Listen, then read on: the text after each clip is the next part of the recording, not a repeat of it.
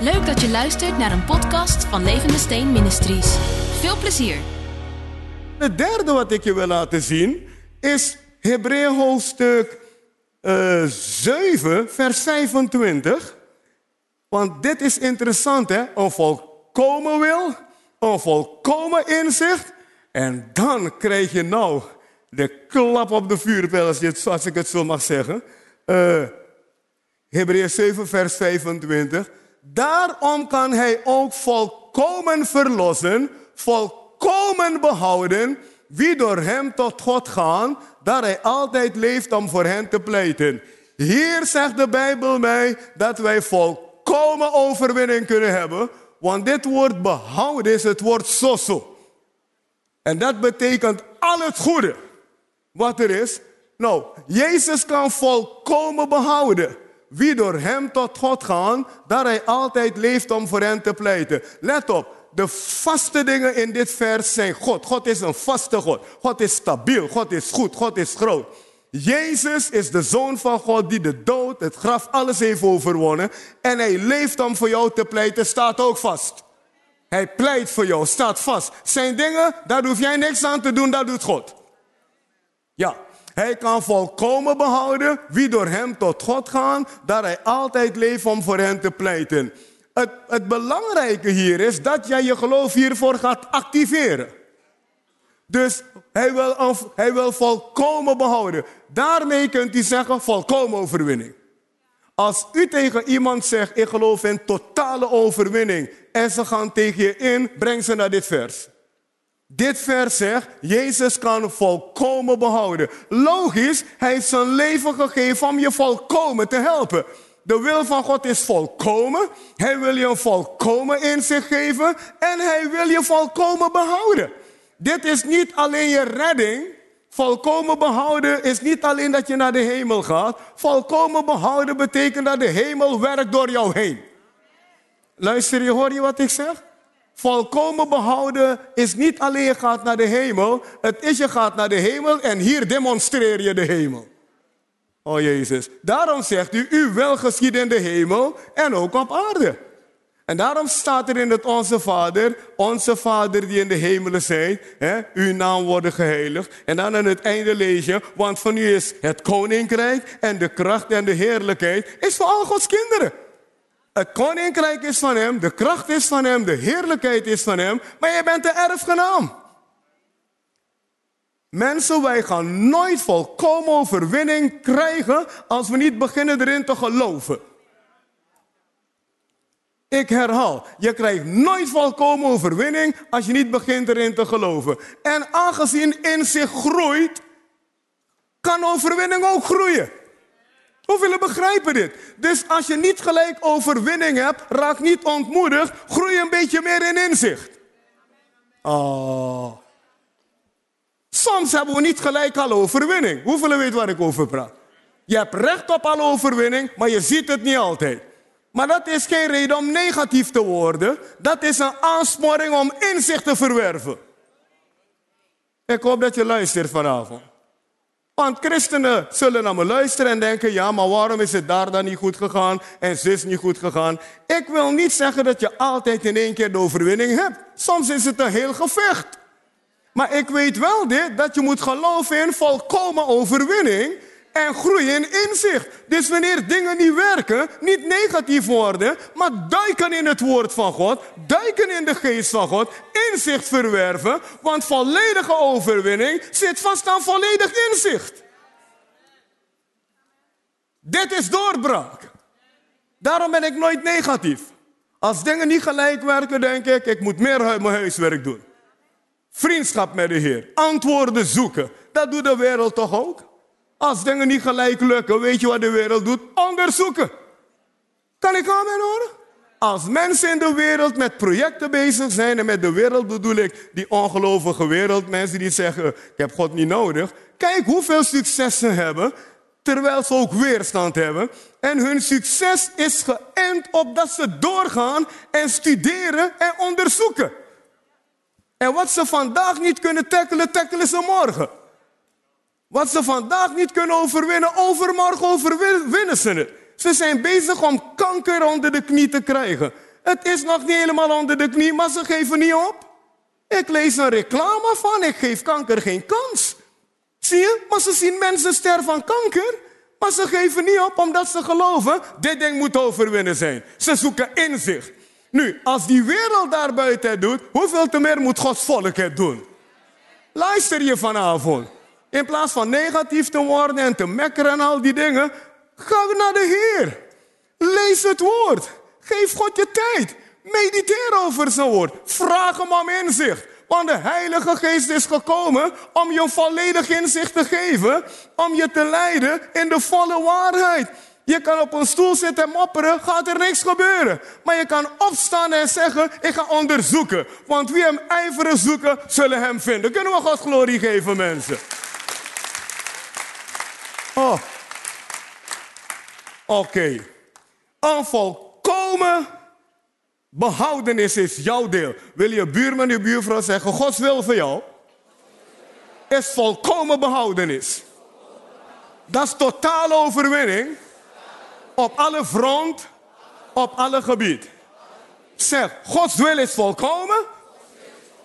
Daar hoort bij een volkomen inzicht.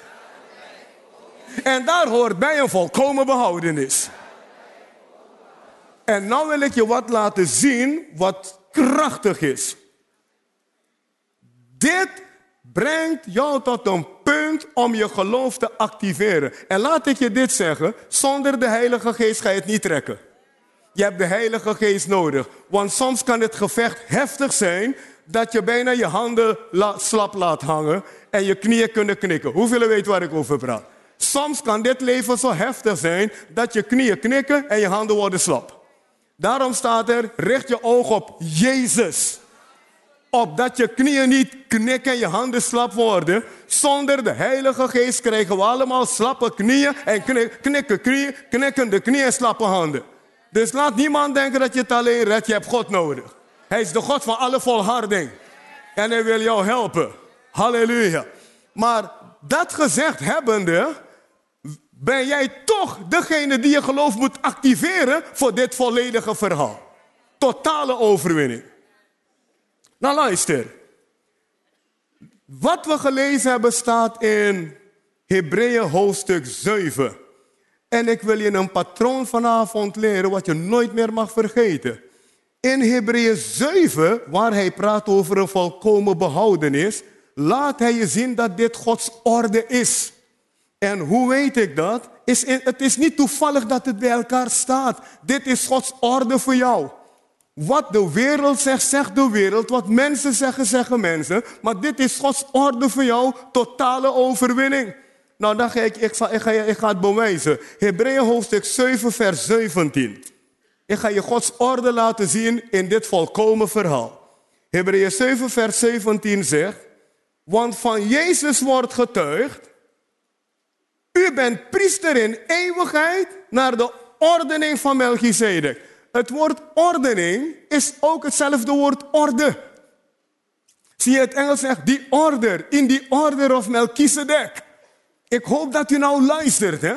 Nu, Melchizedek was een priester, het begin nog eind. Melchizedek was eigenlijk een eeuwige priester. Het was de man die eigenlijk Abraham ontmoette nadat Abraham terugkwam van het gevecht met de koningen daar in het oosten en ze verslagen. Je kan het lezen in Genesis. En dan staat er, Melchizedek ontmoet Abraham en hij, hij, hij, hij brengt, geeft Abraham brood en wijn.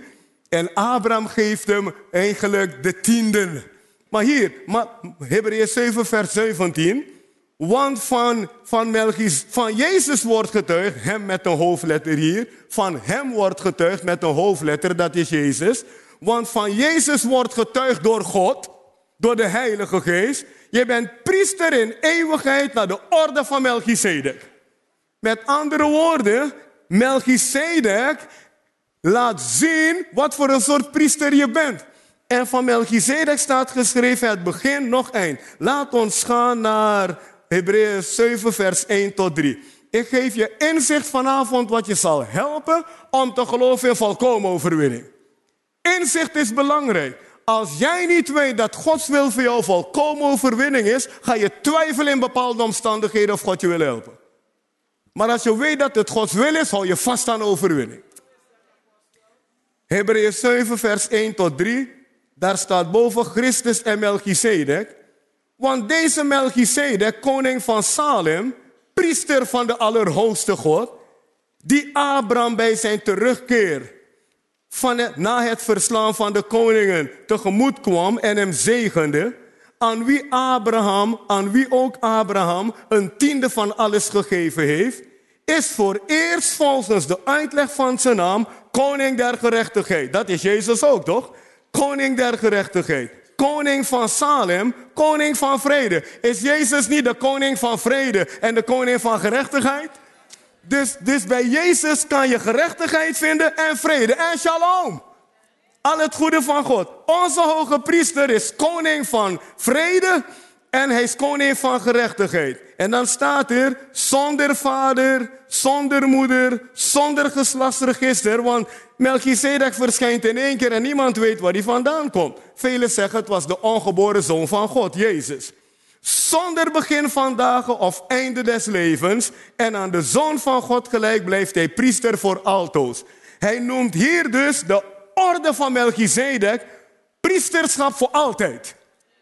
En de orde van Melchizedek is koning van vrede en koning van gerechtigheid. Daar is weer je overwinning. God wil dat je leeft in zijn gerechtigheid en God wil dat je leeft in zijn shalom. Luister je hier vanavond? God wil dat je leeft in zijn gerechtigheid en God wil dat je leeft in zijn shalom. Hij is koning voor eeuwig, priester voor eeuwig. Laat ons kijken naar Hebreeën hoofdstuk 7, vers 11. Ik lees een paar teksten met u om dan u te laten zien dat dit Gods orde is. Waarom benadrukt God zo de, de priesterschap van Jezus hier? Om jou te laten zien dat dit Gods orde voor jou is om in een volkomen behoudenis te geloven. Ik hoop dat je de logica hier ziet. Hebreeën 7 vers 11. Indien nu het Levitische priesterschap het volmaakte gebracht had, immers daaronder heeft ook het volk de wet ontvangen, Waarom was het dan nodig dat de andere priester naar de ordening van Melchizedek opstond, van wie niet gezegd werd dat hij naar de ordening van Aaron is? Hij laat hier zien dat Jezus een heel ander soort hoge priester is als Aaron. Aaron viel onder de wet en de wet kan je niet helpen. Maar Jezus is gekomen met de genade om jou en mij genade op genade te geven. Johannes 1, vers 16, om in een totale overwinning te leven. Oh mensen, luister je hier? De wet gaat je niet helpen. Jezus is niet naar de ordening van Aaron. Jezus is naar de ordening van Melchizedek. Aaron, dat, dat, dat priesterschap was goed voor het Oude Testament. Maar nu het Testament is, heb je de orde van Melchizedek nodig. Je hebt Jezus Christus nodig. En zijn gerechtigheid is voor jou. En zijn shalom is voor jou. En zijn volkomen behoudenis is voor jou. Wauw, halleluja. Laat ons gaan naar vers 14. Hebreeën 7, vers 14 en 15. Ik laat je zien hoe God het benadrukt. Hij wil je aandacht hebben. Het is immers duidelijk dat onze Heer uit Juda is gesproken, ten aanzien van welke stam Mozes met geen woord van priesters gerept heeft. Want het priesterschap was bij Levi en niet bij Juda. En nog veel duidelijker wordt het, als naar het evenbeeld van Melchizedek een andere priester opstaat. Wauw, zie je? God laat hier heel duidelijk zien van, hij heeft Jezus laten opstaan voor jou in de orde van Melchizedek. Gerechtigheid en shalom. Totale behoudenis, totale overwinning, volkomen inzicht. We lezen ook Hebreeën 7, vers 21 en 22. Maar deze, met een eed bij monden van hem die tot hem sprak, de Heere heeft gezworen, het zal hem niet berouwen. Gij zijt priester in eeuwigheid. In zoverre is Jezus ook van een beter verbond borg geworden. Daarom mag u geloven in totale overwinning, want de wet kon mensen niet in totale overwinning brengen. Maar Jezus is gekomen. Hij heeft de wet vervuld voor jou en voor mij. Hij heeft uitgeroepen, het is volbracht. En de Bijbel zegt, zijn gerechtigheid is onze gerechtigheid geworden. De Bijbel zegt, hij heeft ons een vrede gegeven. Wat zegt hij? Vrede geef ik je, vrede laat ik je. Dit is Gods orde. Hebreeën 7, vers 25, dat God je volkomen wil behouden, is Gods orde voor jou. Jij mag geloven in totale overwinning, want het staat in het woord van God. Het is Gods orde. Met andere woorden, God heeft het zo gesteld. Dit is niet wat mensen zo gesteld hebben. God heeft dit zo gesteld. God zegt, de orde van Melchizedek is voor jou.